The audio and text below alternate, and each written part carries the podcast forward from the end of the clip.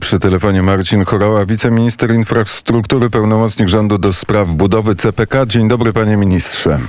Dzień dobry panie redaktorze, dzień dobry państwu. Tuż e, po powrocie z Hiszpanii, gdzie zostały podpisane ważne umowy gospodarcze, jakie?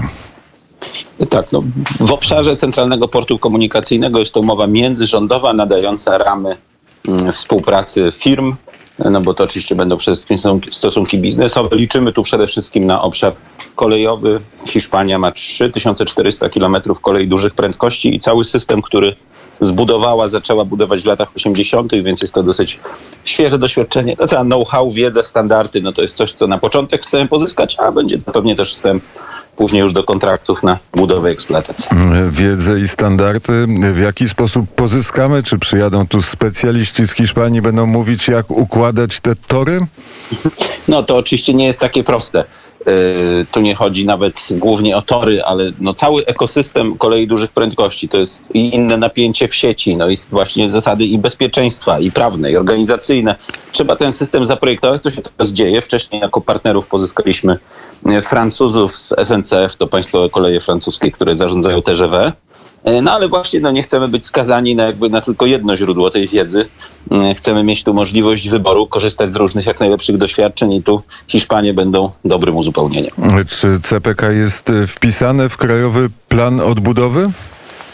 Tak, CPK jest wpisany w Krajowy Plan Odbudowy, choć w dosyć ograniczonym zakresie, dlatego że jesteśmy na trochę innym etapie. Krajowy Plan Odbudowy to przede wszystkim mają być takie szybkie pieniądze na coś, co będzie można no, już za moment wybudować i bardzo szybko zakończyć. Plan inwestycyjny CPK jest rozłożony na dłuższy czas, więc te główne pieniądze unijne będą po prostu w tej zwykłej perspektywie, w tych środkach na infrastrukturę, w tym w cudzysłowie no, zwykłym budżecie unijnym, ale w KPO też taki komponent się znajduje. E, kiedy e, zacznie się ta wielka budowa? No to tu niezmiennie rok 23 to jest ten e, moment, kiedy z, zgodnie z niezwykle ambitnymi harmonogramami, ale osiągalnymi e, ma się rozpocząć ta fizyczna budowa, że no już tam wjadą koparki, spychacze i tak dalej. Natomiast no w sensie procesu inwestycyjnego to no oczywiście trwa, no bo każdy proces inwestycyjny, zwłaszcza przy dużych, skomplikowanych inwestycjach, to jest cały szereg kroków, cały szereg etapów, które no, które trzeba wykonać i właściwie z punktu widzenia kogoś, kto zarządza tym procesem, ten moment, kiedy już fizycznie zaczyna się budowa, to to już jest prawie, że koniec, prawie, że z górki. Żeby y, spychacze i koparki wjechały, muszą mieć gdzie wjechać. Żeby wjechać, e, trzeba mieć grunt, na który się wjeżdża. Ten proces y, wywłaszczania czy e, apelowania do tych, którzy e, mają swoje tereny na terenach przyszłego centralnego portu komunikacyjnego albo tego miejsca, którędy będzie przebiegać ta kolej szybkiej prędkości. Czy te negocjacje są prowadzone, czy już pozyskuje CPK tereny pod budowę? Tak, to jest pewien do, dodatkowy czy ekstra proces pozyskiwania nieruchomości, ponieważ w normalnym cyklu inwestycji celu publicznego, jak jest decyzja lokalizacyjna, no to jest oferta y, dla właścicieli, jakiej nie przyjmują wywłaszczenie przymusowe, oczywiście za odszkodowanie, no ale niemniej wywłaszczenia. Żeby to była musi być decyzja, żeby była decyzja, musi być decyzja środowiskowa, żeby była decyzja środowiskowa, muszą być inwentaryzacje środowiskowe i one obecnie się dzieją. Czyli gdyby to był taki normalny proces, tak jak na przykład buduje się, no nie wiem, drogi chociażby, to to jeszcze nie był ten moment. W związku z tym że były takie głosy mieszkańców części, że może część z nich by chciała wcześniej e, tutaj sobie uregulować sytuację życiową. Zaproponowaliśmy program dobrowolnych nabyć. Zainteresowanie nim zgłosiło no mniej więcej 200 osób, bo to są różne, ktoś tam się tylko interesuje, ktoś już przystąpił do negocjacji. Te rozmowy trwają. Zobaczymy. Może być tak, że no bo jakby tutaj nie ma jakichś szczególnych zasad, to jest normalna cywilnoprawna umowa e, w której spółka CPK, ponieważ no jest spółką, która operuje na razie publicznymi pieniędzmi, przyszłości będzie to kapitał prywatny, nawet większość kapitału będzie prywatnego pochodzenia, no ale na razie są publiczne, więc generalnie nie może oferować cen zasadniczo wyższych niż wynosi wartość oszacowana przez rzeczoznawcę danej nieruchomości. Zazwyczaj właściciel ma inne zdanie na temat tej wartości i chciałby sprzedawać znacznie drożej, więc te negocjacje na razie to się toczą. Z tym, że mówię, to jest element dodatkowy. No tu jest taka możliwość, że nie wiem, nie chce sprzedać, woli poczekać na wywłaszczenie jego sprawa. Zasady wywłaszczeń w Polsce są różne. Dla niektórych właścicieli nieruchomości mogą się jawić jako tak naprawdę atrakcyjne. I znam takie przypadki, że ludzie mieli pretensje przy okazji budowy jakiejś inwestycji, że nie zostali wywłaszczeni, że no, jego sąsiad jeszcze został wywłaszczony, a on już nie. Nie, Ale ten e, problem e, wywłaszczenia będzie dotyczył całej Polski, bo będzie dotyczył też sieci kolei i to jest chyba e, bardzo trudne zbudować i narysować sieć, żeby nie przecinała ani żadnych pięknych miejsc przyrodniczo, albo ani żadnych fabryk czy posiadłości. No, do końca to jest właściwie niemożliwe, tak że no zawsze gdzieś ktoś mieszka, ktoś ma jakąś swoją ziemię, e, no jak już zupełnie nikt nie mieszka, no to wtedy pewnie zazwyczaj jest to jakiś obszar e, niezwykle wartościowy, przyrodniczy, objęty ochroną, więc no w tych realiach trzeba się odnajdować. Obecnie zakończyliśmy etap studium, strategicznego studium lokalizacyjnego i oceny oddziaływania na środowisko, czyli takie studium korytarzowe, taki projekt całego systemu. On nie przesądzał o konkretnych przebiegach, aczkolwiek już kilka konkretnych przebiegów było zaproponowanych.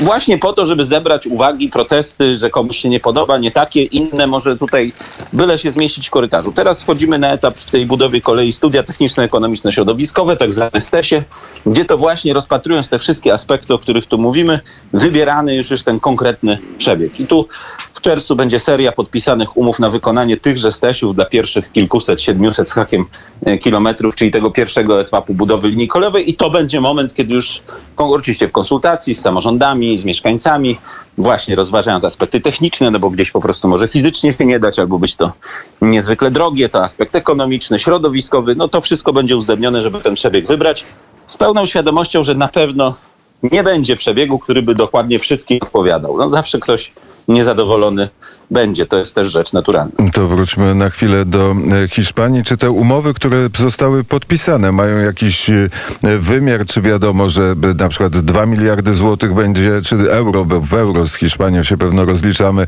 będzie to i to kosztować? Czy też to są takie e, zwykłe zapisy intencji? Nie, no na etapie rządowym to może nie intencje, ale to jest pewna rama do współpracy dla firm, ponieważ to jest projekt biznesowy, to jakby to nie jest tak, że rząd Hiszpanii, prawda, będzie tutaj wykonywał jakieś działania, tylko konkretne firmy, również firmy oczywiście państwowe, które brały udział w tych dyskusjach, więc rządy umawiają się na pewną zasadę, ramy współpracy, w ramach których firmy się spotkają i będą podpisywać, e, podpisywać umowy, więc to jest ta umowa międzyrządowa. No i oczywiście jest jeszcze jeden aspekt, czyli prawo zamówień publicznych.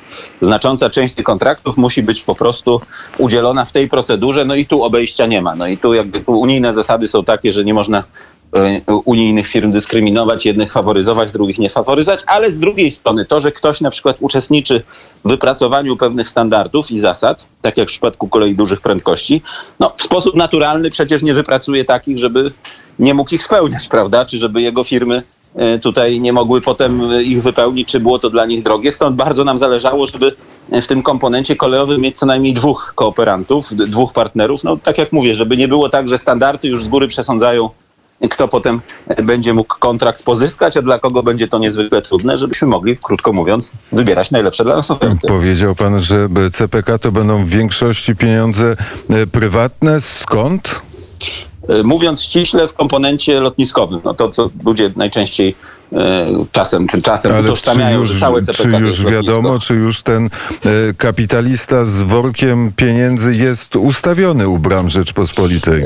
Tu całkiem sporo takich rozmów się, się toczy i są chętni. My podchodzimy do tego spokojnie, znów jakby chcemy wybrać najlepszą ofertę. Gdybym chciał na przykład komuś oddać 100% własności i po prostu sprzedać, że on to wybuduje, będzie jego, to bez problemu, to powiedziałem nawet jutro, to i Chińczycy i różni inni by byli chętni. My chcemy zachować kontrolę właścicielską, żeby po stronie własnościowej 51% było po stronie państwa, co najmniej te do 49% zaoferujemy inwestorowi branżowemu, e, przynajmniej w pierwszej kolejności. Tu naturalnym jakby frontrunnerem w tym wyścigu są, są Koreańczycy, którzy są doradcą strategicznym, podlotniczy Incheon i to są takie najbardziej zaawansowane rozmowy, ale w tym momencie nie chcę tego przesądzać, bo chcemy zawsze sobie no, zostawić tą furtkę, a może ktoś złoży lepszą ofertę, prawda? E, To nawet takie potencjalne pozostawienie takiej możliwości powoduje, że ta pierwsza oferta też od razu jest lepsza, no bo musi uważać, że przypadkiem może ktoś tutaj przebić. Natomiast większość tego finansowania, bo tu mówimy o strukturze właścicielskiej tego kapitału, no to będą instrumenty rynkowe, tak? To będą e, emisja obligacji komercyjnych, kre, linia kredytowa, derywatowo-kredytowa. To już będzie zależało od bieżącej sytuacji w rynku w danym momencie, kiedy ta potrzeba, żeby na przykład jakąś kolejną transzę uruchomić finansowania, co tam będzie na rynku dostępne, generalnie rzecz biorąc, nawet w Polsce obecnie instytucje finansowe mają duże nadpłynności, takie liczone w miliardach, e, więc zanosi się na to, że ten kapitał, jak przyjdzie ten moment, że jest potrzebny, to będzie łatwo i tanio do pozyskania. Bardzo e, serdecznie dziękuję za rozmowę. I ja bardzo dziękuję. Marcin Choroła, wiceminister infrastruktury, pełnomocnik rządu do spraw budowy CPK, był gościem poranka wnet.